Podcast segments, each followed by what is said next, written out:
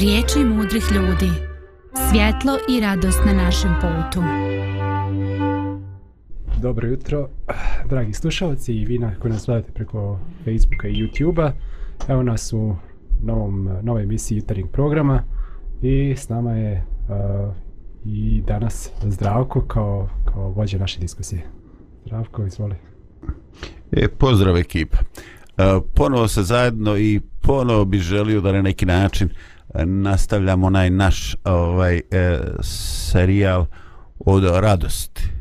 U nekom razgovoru s ljudima čuo sam, kaže, mnogo se obrađuju te psihološke teme, teme koje govori o problemima koji mi ljudi imamo sami sa sobom ili u komunikaciji sa drugim. Ali, kaže, e, poruka je bila, u svetome pismu ima toliko mjesta u kojima smo mi pozvani na radost i na pozitivna osjećanja.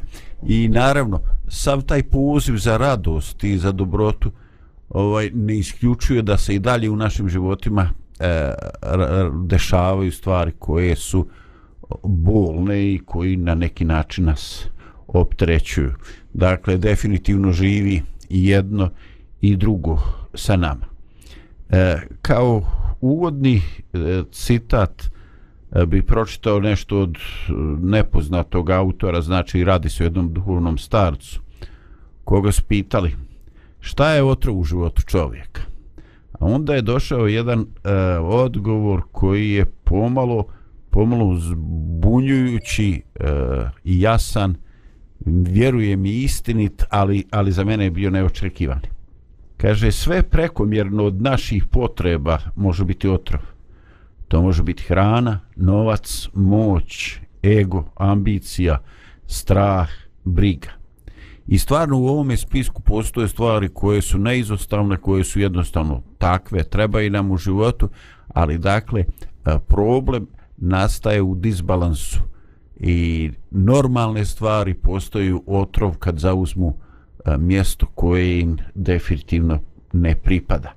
No, danas ću napraviti jedan izuzetak, ovaj evo ja se pridružujem pozdravima uh, Milane uh, tebi za mix pultom Božidaru koji je ovaj ponovo, ponovo sa nama. Evo Božidare ovaj iskorišću u priliku da ti ovako uh, uputim uh, saučešće. Ti si ima u, u, u široj porodici smrtni slučaj nisi bio s nama. Hvala ti hvala ali ovaj uh, život ide dalje a pozitivna pozitivno sjeća na, na ljude kojih više nema na među nama ovaj ostaje. Dakle kao što rekoh ja se ne bi bavio danas ovim citatom nego bi on bio neki šlagvort uvod za sve one stvari koje su a, tako bitne u našem životu a u kojima možda imamo problem jer smo a, izgubili balans. Ovaj, možda je ovo u principu i dovoljno za uvod. Ovaj, pa Milene pa ću te zamoliti za muzičku pauzu. Može.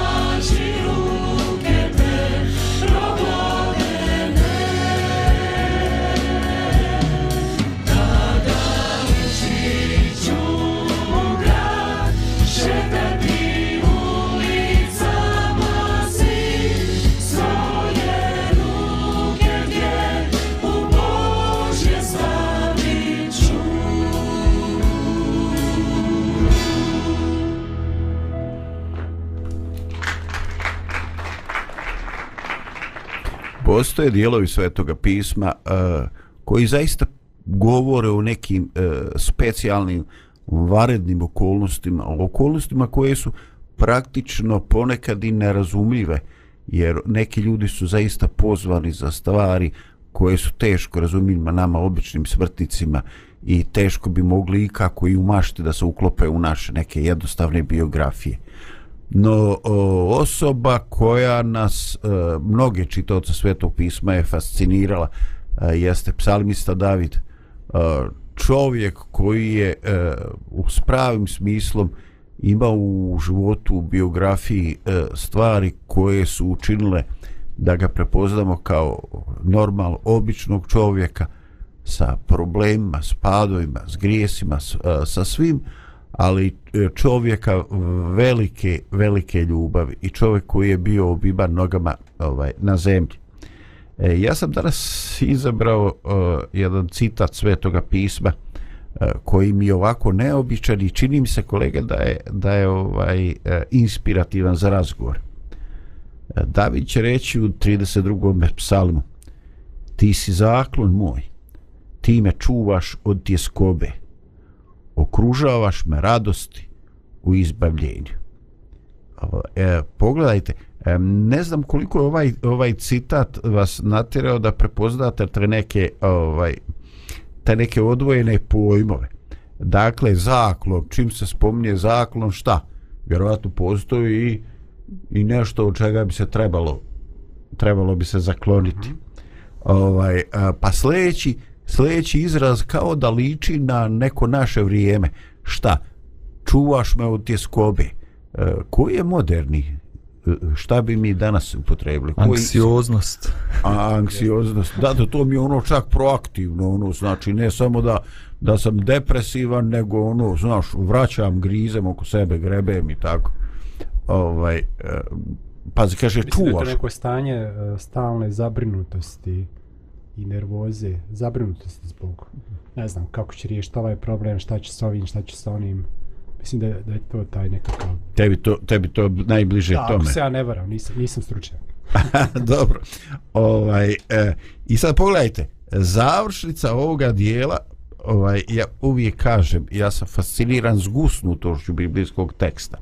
I onda kaže, e, nakon ti, znači, problema, čim mi treba zaklon, nekome gađa nečim, pa makar bilo čim god. A ovaj, čuvaš me od tjeskobe, znači nešto, mene to onako podsjeća na neki pasivnu, neku depresiju, neku, ovaj, a šta god daje. I onda, a, onda kaže, ti me okružuješ radostima u izbavljenju. Pogledajte, e ovo je nešto što mene definitivno oduševljava ovaj, šta mislite o radostima koje e, nastaju, proizilaze, generišu se zbog toga što doživljavamo, prevazilazimo iskušenja. Pogledajte, koliko se ovo razlikuje od nekoga današnjeg pojma radosti, gdje je radost određeni komfor, zona udobnosti, e, imaš sve što ti treba, imaš neki status, razumije? Uh -huh. A ovdje se radost povezuje sa, ovaj, sa izbavljenjem. Znači, radost koja nastaje kao posljedica prevazilaženja problema. Je li to vama neobično? Pa dobro, ako je problem nešto negativno, onda ako prevazimo problem, jo, e, logično da se osjećamo da, bolje. Da, ja, sad će biti problem nešto pozitivno. Aj, molim te, podijeli sa mnom jedan taj svoj problem pozitivno, da malo pomiješamo ove svoje probleme. Šalimo se. dobro. Ne, ali hoće reći, ako je problem negativno iskustvo, tako rješavanje problema, onda je nešto pozitivno. S tim da ovdje imamo taj nekakav uh, duhovni element, uh, gdje, gdje to nije samo ja sam riješio svojom snagom, mudrošću a, neki problem i onda sam ja zadovoljan što, što više nemam taj problem. Već je, već je pitanje izbavljenje od ozgo, znači gdje, gdje čovjek vidi božansku intervenciju u svom životu i onda a, a samo to da, da, da sam ja nekome gore na nebu dovoljno bitan, da on interveniše u mom životu, da on mene izbavi, da što znači da potvrđuje da da sam ja važan u njegovim očima da da on ima neka osjećanja prema meni to čini to čini uh, daleko veći, većom tu radost nego, nego sama činjenica da je, da, da si riješio problem. Da. da. Ovaj, e, meni su čak ove riječi ovaj, koje ti kažeš, ovaj, da naravno važan si mu zato što reaguju zbog tebe, znaš. Ali ovaj, e, kad, kad čovjek čita opise Božje sile i njegovo djelovanje u svemiru, ovaj, onda ne treba ušte, meni je čak nepotreban osjećaj da sam uvažan ovaj, meni je već dovoljno fantastično da kažem da, da me konstatuje da postojim, da nisam izašao iz njegovog ovaj, dijelokruga interesa. Ovaj. A da ne govorimo one biblijske riječi, kaže, na dlanovima sam te izabrao. Nijedan vrabac da ne pada bez volje oca na nebesima. Mhm. Ajde, ja malo uključim. Ovaj, ima psalmista David još stihova koji možda i prelazilaze ovu uh, radu zbog izbavljanja. Na, na primjer, on kaže tamo, jer je dobrota tvoja bolja od života. Pa na drugom mjestu kaže, nasti me jutrom dobrote svoje i radovat ću se sve dane života svojega. Uh, ne znam, radost može da bude i u nevoljama, radost može da bude i... Evo, ja sam juče bio na sahrani i govorio sam na sahrani moje tetke i Radost može da bude i tada u takvim trenucima, zato što od samog saznanja da postoji Bog koji je dobar, da postoji Bog koji je pun ljubavi. Ne, naravno, imam ja iskustvo u svom životu sa takvim Bogom, ali čak i da nemam nikakva iskustva ja u svom životu, samo saznanje da je On dobar, samo saznanje da je On šta je u istoriji uradio, ne znam, evo, sad možemo govoriti o teologiji nekoj, ne znam, nija, i žrtve Isusa Hrista i svega toga je meni dovoljan razlog da budem radostan i sretan u životu, bez obzira na okolnosti. Da, ovaj, eh, eto, ja ću ja da budem iskren, ovaj, kolege, ovaj, eh, taj izraz Božo koji ste ispomenuli jer je dobrota tvoja bolja od života. Ovaj ja mene živo interesuje kako vi to doživljavate. Ovaj mene to onako fascinirajuće al nisam siguran da da dohvatam ovaj svu, svu, svu puninu tog značenja razumiješ? Više sam više sam onako fasciniran i zablokiran nego što mogu reći da razumijem. Kako vi to razumijete Da, ja ne znam, evo ja sam prošli vikend sam bio na Fruškoj gori i tri dana sam govorio 120 mladih ljudi i govorio sam im o Božoj blagodati. Ovaj, I pričao sam o svom životu. Ne znam, ja sam doživio tu Božju dobrotu. To jest Božju nezasluženu ljubav, evo tako mogu da kažem. Ne kad sam ja bio svet, kad sam ja bio pravedan, kad sam ja klečao i molio se Bogu, nego kad sam ja bio grešnik kad sam ja bio u blatu, kad sam se ja borio sa svojim grijehom u, u životu, kad sam osjećao se prljav, tada sam doživljavao najviše Božju naklonost i blagodat u, na različite načine. Finansijske neke blagoslove sam tad dobio, a ne, ne kad sam bio pravedan. Mnogo, baš u takvim trenucima sam doživio ja Božju ljubav, a pogotovo sam doživio Božju ljubav koji koji me izveo iz tog blata u kome sam se ja nalazio i koji mi je dao novi život. Ja ne znam kako. Ja sam se borio s, s tim svojim grijesima godinama i nisam mogao da se izborim. Ali jednostavno Božja blagodat me izvukla iz toga i dala mi novi život i evo baš sam pričao tim mojim kolegama svakog ponedjeljka imam grupu podrške i vodim tu grupu podrške sa ljudima koji se bore sa, sa zavisnostima I onda razmišljam o svom životu. Ja sam nekad bio zavisnik, ja sam se nekad borio s tim stvarima. To je bila najveća sramota mog života, najveći grijeh mog života, najveća prljavština mog života. A Bog je uzeo tu sramotu moju i pretvorio je u blagoslov za druge ljude. Da danas sam ja mentor drugim ljudima, pomažem drugim ljudima koji se bore sa tim. Pa kakav je taj Bog? Ja nisam dobio ono što sam zasluživao. Ja sam zaslužio kaznu zbog, zbog toga. Mm -hmm. A dobio sam nezasluženu ljubav i blagodat. I samo to saznanje da je Bog takav, da me On voli ovako kakav ja jesam, prljav i grešan i da me prihvata i da mogu da budem slobodan pred njim, da, da ne moram da nosim maske, da mogu da dođem takav kakav jesam i da znam da me On voli bezuslovnom ljubavlju, pa to je razlog za, za sa ne znam kakvu radost u životu. Evo, ne treba mi ništa drugo u životu. Samo to da znam da postoji Bog koji je takav Bog, koji me voli takvom ljubavlju. Takve ljubavi nema na zemlji. Ja ne mogu da kažem ni za jednu osobu na ovoj zemlji da me voli takvom ljubavlju. Sve je uslovljeno na neki Jer je svaka ljubav uslovljena, jest. Eto, ja tako to doživljam. Hvala ti. Milene, samo se smiješiš, a ne znam šta to znači. Šta dodati na ovo? Šta, šta dodati? šta dodati? Ništa, hvala vam. Ovaj, e, a da ti nama daš još jednu muzičku pauzu, pa da idemo na nešto što nas ovaj inspiriše na priču, a nešto nas zablokira i ne znamo šta ćemo reći. Može, ide.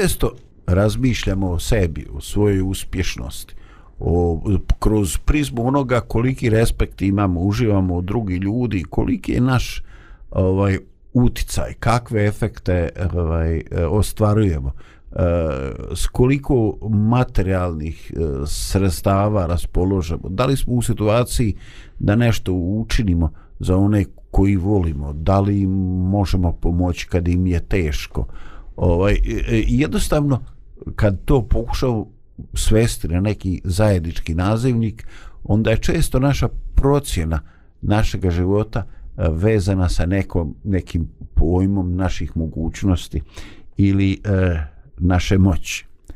Postoji u vanđeljima e, jedan e, izvještaj e, kad je e, Isus odlučio da svoju grupu od 12 e, proširi e, i tad se govori o jednoj grupi od 70 torice. E, znači taj mnogo veći broj, jeli, ljudi je e, pozvan, dobili su instrukcije, dobili su mi to modernim jezikom, kažemo, neku inicijaciju i rečeno im je da krenu sami, po dvojica, po trojica.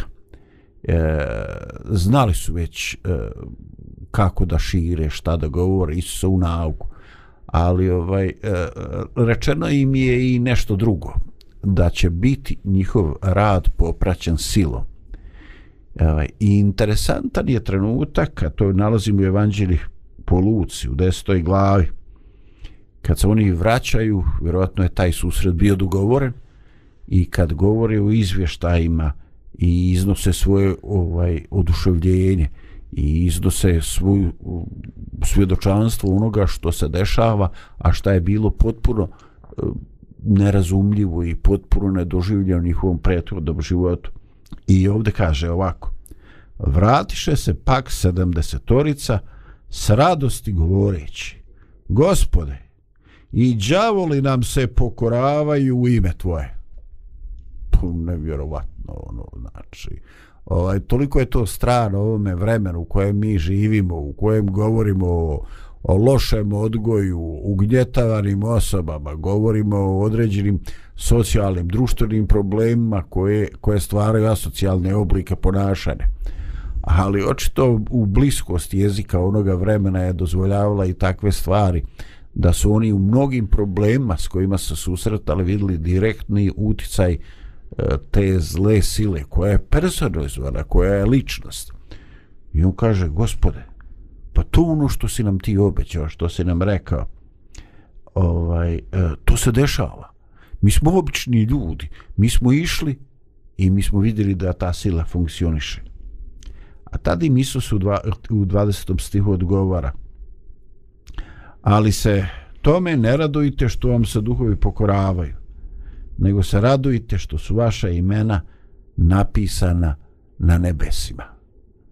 I ovo je nešto što mene, kolege, fascinira. Dakle, kriterijum e, trenutne pozicije, e, da li je tvoj rad priznat, da li je prepoznat, e, da, li, da li se na neki način e, vidi neki dodatni krug i trud i stres i ovo, šta ljudi misle o tome. I onda mi kažemo i zadovoljni smo, sretni smo. Eto ja sam se ja skoncentrisao ja sam se ja malo pomučio ali eto, Bogu hvala evo vidim reakcije, ima lajkova ima kolege to cijene. Ovaj, jednostavno e, čovjek voli da to što on radi nekome treba. Ali s druge strane Isus kaže ma nemojte nemojte težiti toj afirmaciji nemojte se tome radovati i dovodi tu novu kategoriju. Nego se radujte šta? Što su vaša imena napisana na nebesima.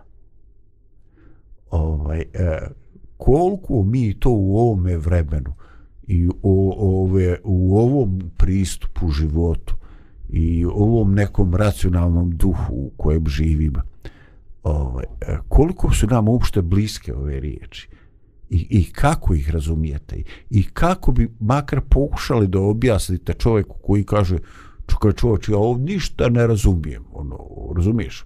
Ljudima idu, dobili neku inicijaciju dobili neku moć a Isus kaže nemoj se ti bolan tome radovati Dobro, prije što priđemo na, na, na suštinu zašto mm -hmm. se radovati onome a ne, ne onom prvom uh, možda da kažem da, da eto, približim taj, taj problem.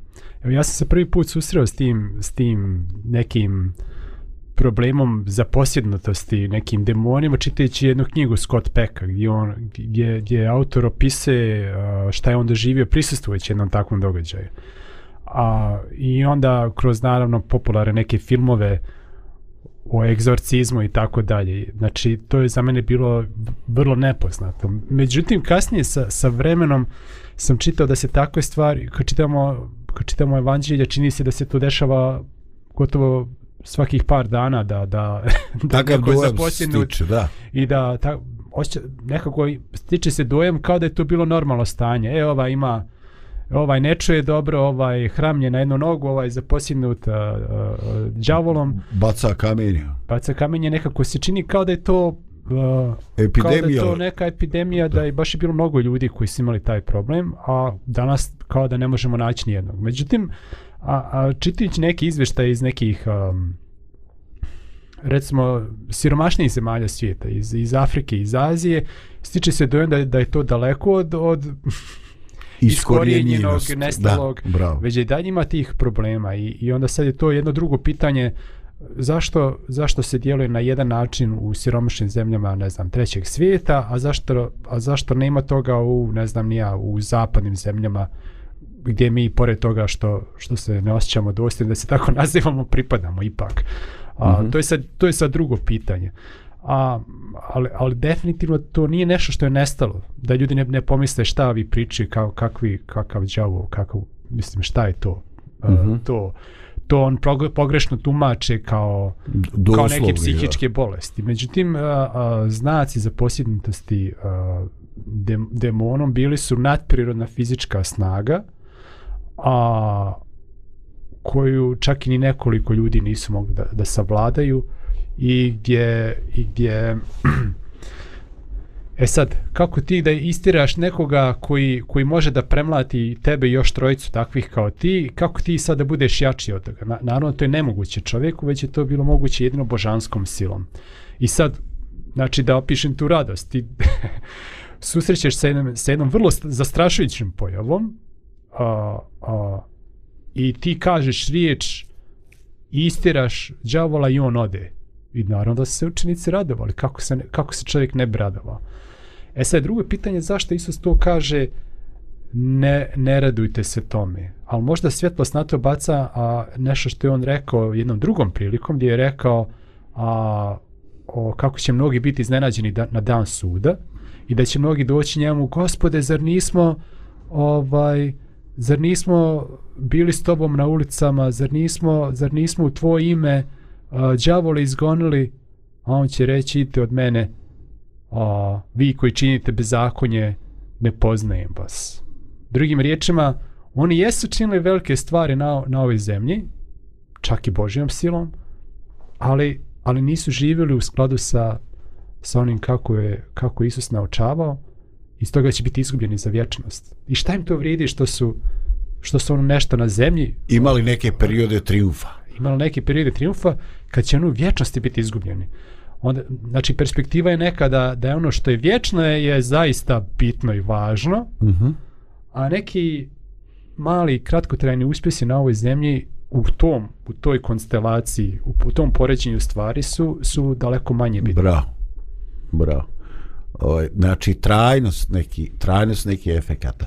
E sad šta bismo tek rekli recimo kad neki ljudi ovaj šta ja znam ovaj kupi novi auto ili dođe do nekoga skromnog po, ovaj eh, skromnog položaja u nekoj hijerarhiji odjedan put ono ne možeš pričati. Da ne govorimo one huma, ove, one pojave koje su nama humorističke. Kad ovaj recimo gastarbajter koji je živio dosta onako inferiorno odnosno na svoje ovaj e, komšije i onda bude tri godine negde u Švicarskoj, Njemačkoj, vrati se i parkira auto na sred ceste i ovaj onda fali mu naša domaća riječ, koristi njemačku, bože, i tako neku drugu stranu. Ovaj eh, jednostavno sad on, sad on ima čovječ poziciju, sad ima moć, on ima nešto para u džepu. E, ta, upravo to što si ti rekao, e, to što mi zovemo kao, e, kao osjećaj moći, e, koliko je on nevažan i inferioran u odnosu na ono što Isus kaže. Radoj se ti, brate, da ti ime bude zapisano i prepoznato na nebesima. E, i upravo ovaj aspekt e, približen na nebesima, mislim da će on Božidaru mnogo više biti bliži nego, nego ovaj naš prvi dio. a ne, htio sam se osvrnuti ovo što je Milan govorio. Prvo tim, zašto, a zašto u Africi, u Aziji ima više tih demonskih ovaj, djelovanja nego, nego ovdje? Ja mislim da to je jedna varka za nas koji živimo u zapadnom svijetu ili koji nismo tamo u Africi, Aziji. Da li to znači da đavo manje djeluje ovdje nego što djeluje u Africi? Pa ne znam, zar nije pohlepa materializam, nacionalizam, zar to nisu demonska djelovanja Da. u, u zapadnom dijelu svijeta? Đavo nema potrebe da, da radi u našem životu na način kao što radi u Africi, zato što on upravlja našim umom, iako mi toga uopšte nismo svjesni.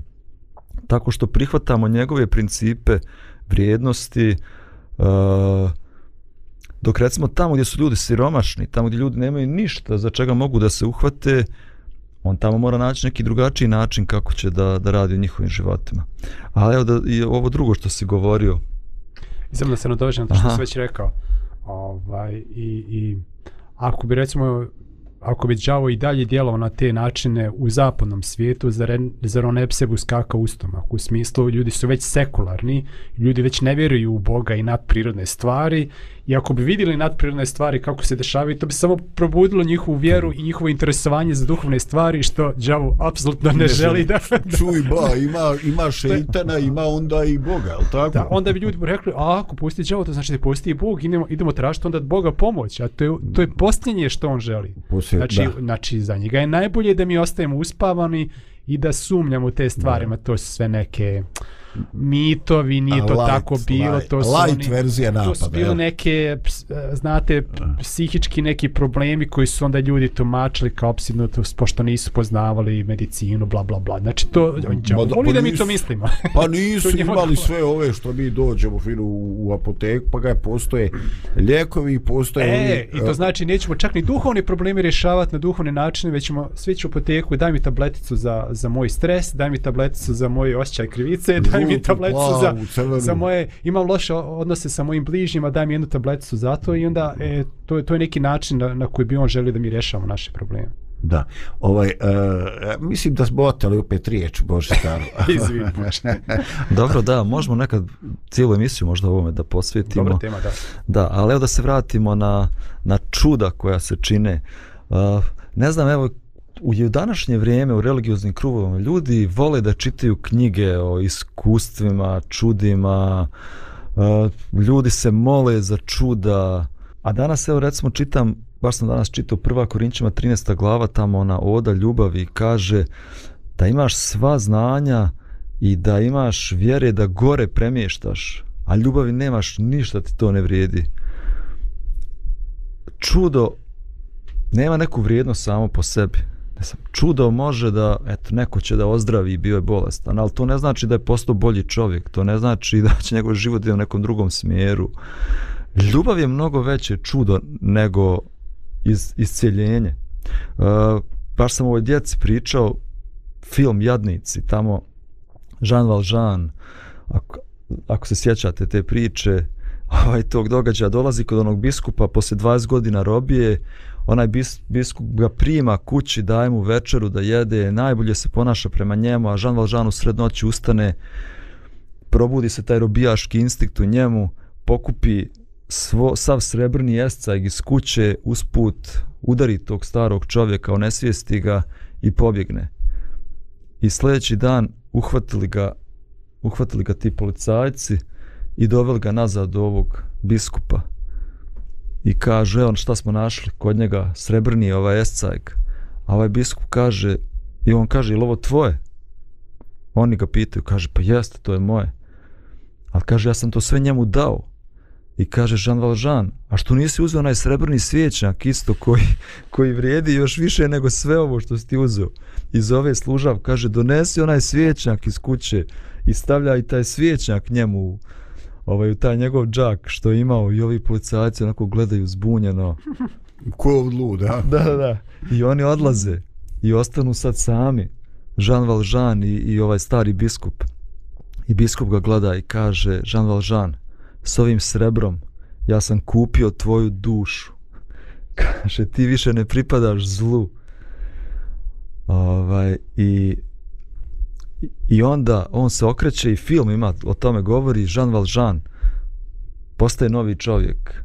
I ta jedan akt oproštenja i ljubavi je promijenio totalno njegov život i on postaje borac za siromašne ljude, za odbačene ljude, pravi industriju koja hrani čitavu pokrajinu. Ljubav je mnogo veća sila nego bilo koje drugo čudo koje može se dogodi.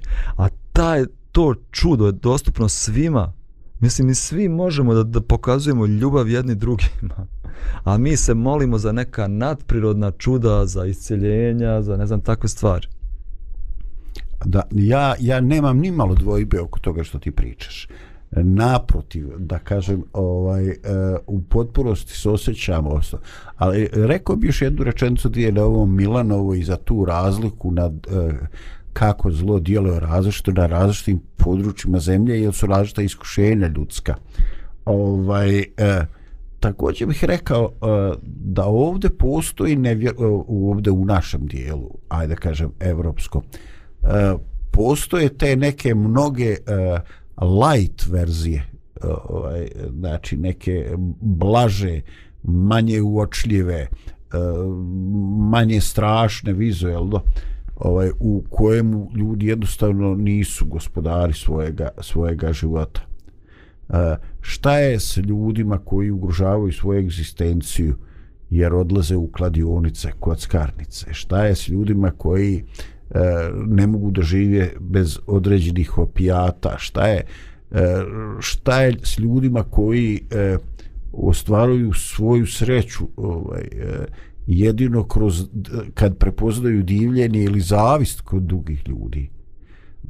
To su, to su neke nevjerovatne stvari ali mi nikad, mi ćemo jako teško doći u situaciju, doći u tu zrelost da kažemo, e, čoveče, čovjek je bolestan. Ja, mi bi ga radije prekorili, pogledaj kako se obrazio, pogledaj kako je digo glavu. Vi čovjek, ono, znaš, sad je on glavni baja, demonstrira moć, demonstrira silu i ovaj, e, mi smo instruisani da to tako ovaj, dešifrijemo. A u stvari čovjek nema prave radosti. Znači on ako, ako neko nije donji, ako nije ispod njega, ako nije ostvario, ako nije nečim materijalnom nadvisio drugoga čovjeka, on se ovaj i ako nije nekog prevario, u propada čovjek dan. Znači e, postoje te mnoge e, blaže verzije e, u koje zlo utiče na nas e, što nas e, stvarno iscrpljuje tu životnu radost i udaljava nas od neke prave bogolike prirode. Čini da smo mi sve dalje od toga da, da osjetimo neki predukus neba da ovaj da uživamo a opet nije dovoljno strašno kao ovi filmovi egzorcistički koji ti bila ne spominješ i ja sam slobodan reći da su tu egzoti, e, filmovi o egzorcistima na neki način e, da su odmogli ovaj jer su ljudi uh, uticaj zla uh, maltene sveli na te ekstremne događaje. Znaš, ona, ona žena tamo što je se glava okrenu za dva, uh, 360 stepeni, razumiješ, ja sad mislim sad će krckat kič, ba šta se dešava kao ono ništa. I znači mi očekujemo takve scene da bi opazili da, da je zlo oko nas. A ono se pojavljuju nebrojeno tih nekih lakših verzija koje nisu manje e, opasne za neku istinsku radost i do, za dosezanje života vječnog. Ovaj, e, dobro, možda je to dovoljno pa da poslušamo još jednu muzičku tačku da bismo imali završne riječi. Može. Može.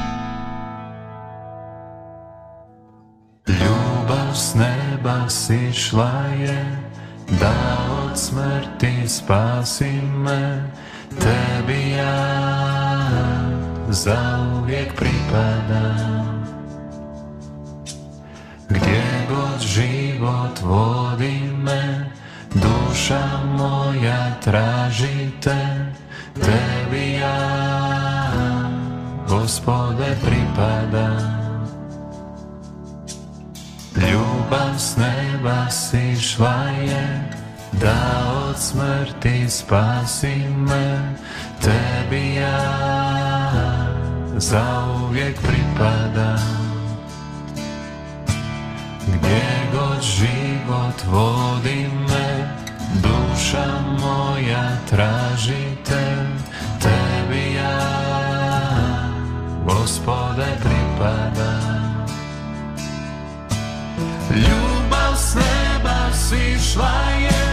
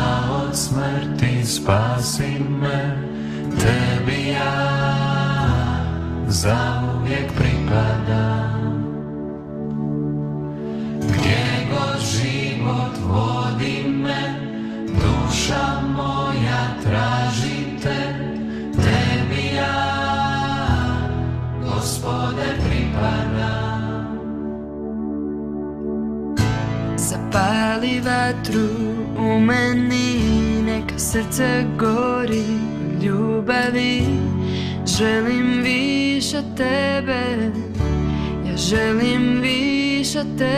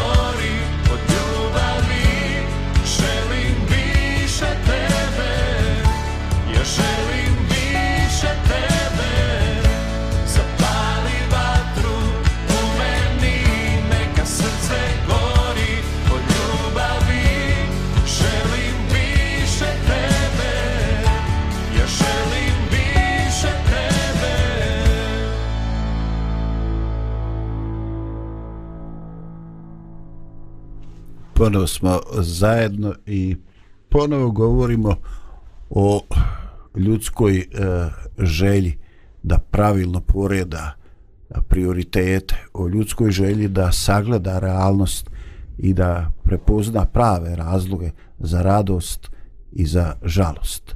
Spomenuli smo i određene duhovni rat, određene duhovne sile koje se tu dešavaju. Ali za kraj bih eh, htio da ovaj eh, ipak govorimo o nečemu što je pozitivno. S jedne strane u evanđelju po Mateju eh, kaže se i pristupivši Isus reče im govoreći dade mi se svaka vlast na nebu i na zemlji. I nakon jedne takve izjave u koje mi stvarno ne sumnjamo, dolaze vijekovi u kome Isusovi učenici, vjernici raznih konfesija ponavljaju molitvu Oče naš i u kojoj se nalaze i riječi da bude volja tvoja i na zemlji kao na nebu. I na neki način kao da mi s tom molitvom hoćemo reći ok Bože, mi te prihvatamo. Ti si e, došao s neba, na nebo si se vratio, obećao si da ćeš ponovo doći. E, mi smo prepoznali i vjerujemo tvojim riječima da imaš svaku vlast i na nebu i na zemlji. Ali Bože, mi osjećamo da to na neki način još nije operativno ovde. Mi vidimo nebrojena zla koja se, koja se dešavaju. I kad gledamo TV, mi nekako shvatamo da zlo u Siriji nije prošlo, a već ga je e, u našu pažnju je privuklo zlo u Ukrajini. E, dva naroda e, istoga slovenskog porijekla, gotovo možemo reći definitivno i, i, i u vjeri bliska. Ovaj, I tamo smo se e, neko vrijeme pratili tu situaciju, a onda dolazi nevjerovatno surovi eh, obračun između Izraela i Palestinaca u Gazi. I ono što zaista šokira nas, što je teško i što vjerujem da nikoga normalnog ne ostavlja ravnodušnog e, na stotine djece umire, gine i onda se ljudi svrstavaju na ovu i na onu stranu i makar ja ne vidim u tobe nikakav doprinos ovaj, nikakav doprinos borbi i onda se sjetim Isus je rekao svoja je vlast u meni a s druge strane mi se molimo da bude volja, volja tvoja. Ovaj, I onda se sva, onda sjetimo se i pročitaću prije nego što vam dao riječ, ovaj, Isus je bio svjestan toga. I on kaže, tako i vi dakle imate sada žalost, ali ću vas opet vidjeti. I radovat će srce vaše i vaša radost neće niko uzeti od vas. I ono što fascinira, da kad je Isus rekao stvari su završene, stvari su definisane, budućnost svijeta je izvjesna, e, opet ću doći, ali mi nalazimo i riječi da prije tog veličanstvenog trenutka kada radost će biti definitivna, ovaj, e, da su rečene riječi, jer neće doći dok zlo ne kulminira, dok se ne pojavi E, dok ne dođemo i ne prepoznamo pojavu u kojoj i sveto pismo i Kuran govore ovaj o pojavi antihrista, znači o pojavi nekog kulminacije zla. I onda se mi danas, ovaj, danas se suočavamo sa tim nekim mentalnim absurdima o koje bih htio da čuje vaše mišljenje. Isus kaže stvar je završena. Ali nama se čini da, da zlo kulminira. A onda shvatimo da je to već nagovještano i čekamo da bude gore i čekamo onda da dođe neki tren kad će gospod reći dosta je pravimo carstvo nebesko. I nevjerovatno je da upravo ovaj te neke civilizacijske razlike koje postoje među vjerama ovaj e, gube na smislu kad vidimo da jedni i drugi upravo čekaju sudnji dan kismetni dan ovaj eh, koji se eh, razmišljaju o toj tajnoj pojavi antihrista ili dežala u islamu. Znači eh, pozornica e, kulise na pozornicu su e, poredane. Ovaj mi imamo realnost kakvu vidimo i kakvi nam mediji lansiraju i ovaj i imamo ovo ovaj božje osjećanje. E, kako vi izlazite na kraj sa tim što nam se pokazuje tom neizrecivom patnjom i ovaj i sa onom Isusovom svrši se? I dade mi se svaka vlast na nebu na zemlji. Uh, kako to djeluje na vaše umove? Kako vi to slažete? Kako mirite te stvari? Pa ti sad baš dosta nekih stvari spomenuo. Što ću kad sam zahtjevan? Nisam baš siguran ni da sad najbolje razumijem sve što si ovaj postavio, ali... Pucaj opet... tamo gdje je jasno. Da. Dobro, ajde, da. okej. Okay. Opet ja mislim da mi imamo tu potpuno pogrešna svatanja. Kako je Bog pokazao svoju snagu, svoju vlast na zemlji? Pokazuje je žrtvom, pokazuje je na krstu. Ta ista vlast i nama je data. Evo sve što sam i ono malo pripričao. E, ti spominješ i carstvo nebesko, Isus je isto i nas pozvao da mi gradimo to carstvo nebesko, iako nikad ga nećemo izgraditi dok on ne dođe u potpunosti ga uspostavi na zemlji, ali mi smo pozvani znači da gradimo to carstvo nebesko, ali opet ne nikakvom silom, nikakvom snagom, nikakvom vlasti koju mi imamo, nego na isti način ko što ga je on gradio. Ne to silom ni krepošću, žrtvom, silom mojom, da. Žrtvom, ljubavlju, nesebičnom ljubavlju, s jedne strane te sile zla dominiraju ovim svijetom, a s druge strane mi, Boži sljedbenici na zemlji, bismo trebali također da da pokažemo ljudima jedan, jedan drugi način života, da pokažemo im Boži karakter, a to je karakter ljubavi i da uzdignemo tu Božju ljubav i da, da damo kontrast ovom svijetu zla, mržnje, nepravde, ovaj, svega što nas okružuje, baš time.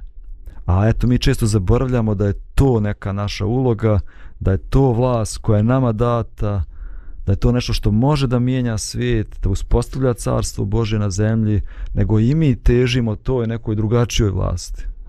ja o tome razmišljam. Da. Ovaj, pa, e, e, kaže, hrišćanstvo je izgubilo dijelo svoje oštrice kad više nije trebalo da poziva žatvu. žrtvu. Ovaj, kad je ono u jednom trenutku postalo, ajde da kažem, društveno prihvativa po, po ovaj pojava. Dakle, dok je znat, biti hrišćani značilo izazivati uh, vlast uh, rimskih careva, ovaj ono je bilo šokantno i absurdno i, i potresalo je ljudske umove. U onome trenutku kad se ono e, zbližilo sa tom vlast koja nije postajala bolja, hrišćanstvo kao izgub, da je izgubilo potrebu za žrtvom. I ovaj e, jako koliko danas procotalo postoji hrišćana e, koji su e, načisto sa tim e, koji e, ne samo da žele budu jednaki sa Isusom u slavi, ali ovaj baš ne vide sebe sa Isusom na krstu u nekom razapinjanju i odricanju toga. Ovaj, tako da, Milane, pomagaj, ono, ovaj, mi smo baš onako zabrazdili. Ovaj. Pa dobro, misli, ono što je meni, pa nisam siguran da je to dio tvoga pitanja. Ali... Ma nebitno, ja hoću samo da isprovociram vašu autentičnu misao. pa dobro, ono, ono što je meni palo na pamet dok si ti pričao jeste da da pusti sad te neke da pusti neka radost koju očekujemo da se desi prilikom uspostavljanja Božjeg carstva, a pusti neka radost koju mi doživljavamo danas. I sad, kakva je, kakva je povezanost toga? uprkos negativnim okolnostima. A, a, a svito pismo uči da će te okolnosti biti čak i mnogo teže pred sam pred sam uh, drugi dolazak Isusa Hrista. Pa ja mislim da da da s obzirom da mi hm, da, da hrišćani žive vjerom i da, i da, i da uvijek je jedan taj pogled nek, na neki način usmjeren u budućnost a, da mi znamo da kad uporedimo šta će doći da ovo danas što se dešava i nije tako i nije tako strašno odnosno bar, ili je privremeno barem I, i mislim da je apostol Pavle o tome govorio kad, kad je pisao od prilike parafraziram a da da naša sadašnja muka naša sadašnja laka nevolja nije ništa e, naspram slave koja će nam se otkriti. Znači, a apostol Pavle je zaista imao imao je ozbiljne nevolje. Znači, on nije, nije malo da su ga ovaj, ismijavali drugari u razredu, već je baš imao, znači ljudi su ga kamenovali, ljudi su ga uh, mislili da je da umro, ubio. da je preminuo a, dva puta je bio u situaciji da, da bude potopljen brod na kom se nalazi. Znači, zaista, je, zaista imao ogromne nevolje, ali, ali uprko s tome on je, on je to mogu da kaže. Znači, zato što je njegov pogled bio usmjeren u budućnost i na ono što treba da se desi i onda šta je ovo što danas ja treba malo da pretrpim naspram, naspram onoga. Ali drugi, postoji drugi aspekt, a to je da, da kad mi živimo prema principu Božeg carstva danas, a, da to u nama već proizvodi radost ovo što je Bože govorio. Kad mi živimo na taj način života, a ne um, a ne sebično uh, tražići sreću u zadovoljstvima, u materializmu, u ne znam nija u poređenju sa drugima i slično, već kad živimo po, po, po principom Božih carstva, mi već sad osjećamo osjećamo radost zbog toga, zato što, zato što smo mi stvoreni kao, kao moralna, kao duhovna, kao društvena bića, I kad živimo u skladu sa, sa načinom na koji nas je tvorac stvorio, mi prirodno osjećamo zadovoljstvo i sreće. To je nekako normalno. Evo, nadam se da nisam uzeo previše vremena. Nisi, druže. Kolege, ovaj, e, hvala vam. S jedne strane imam očekivani osjećaj da, ovaj, eh, zahvaljujući možda i meni, nismo uspjeli u temu eh, zaokružiti. E, možda je sasvim u redu i ono, ovaj, e, Boždare, tvoja izjava, da ovome možda treba posvetiti i poseban čas. Ali ovaj jedno je sigurno, veoma mali broj ljudi je ispunjen eh, optimizmom da će stvari leći same po sebi, da će ljudska mudrost nadladati, da će medicina riješiti sve probleme, da će svjesni ljudi sjesti i dogovoriti se. Sve manje ljudi vjeruju u tu priču. Dakle, kako god izgledalo, ili mislimo da je stvar beznadežna ili da se Bog mora umiješati. Eto, ja se osjećam nekako ljepše u nadi da će se Bog umiješati nego u nekom iščekivanju da ljudi dođu do pameti. E, Ali ne moramo to ni da čekamo. Da. Ne moraš to da čekaš. Možda se raduješ zato što, ne znam, evo, moj, moja prijateljica me juče nazvala i kaže, Boždar, ja sam počeo se molim za neprijatelje.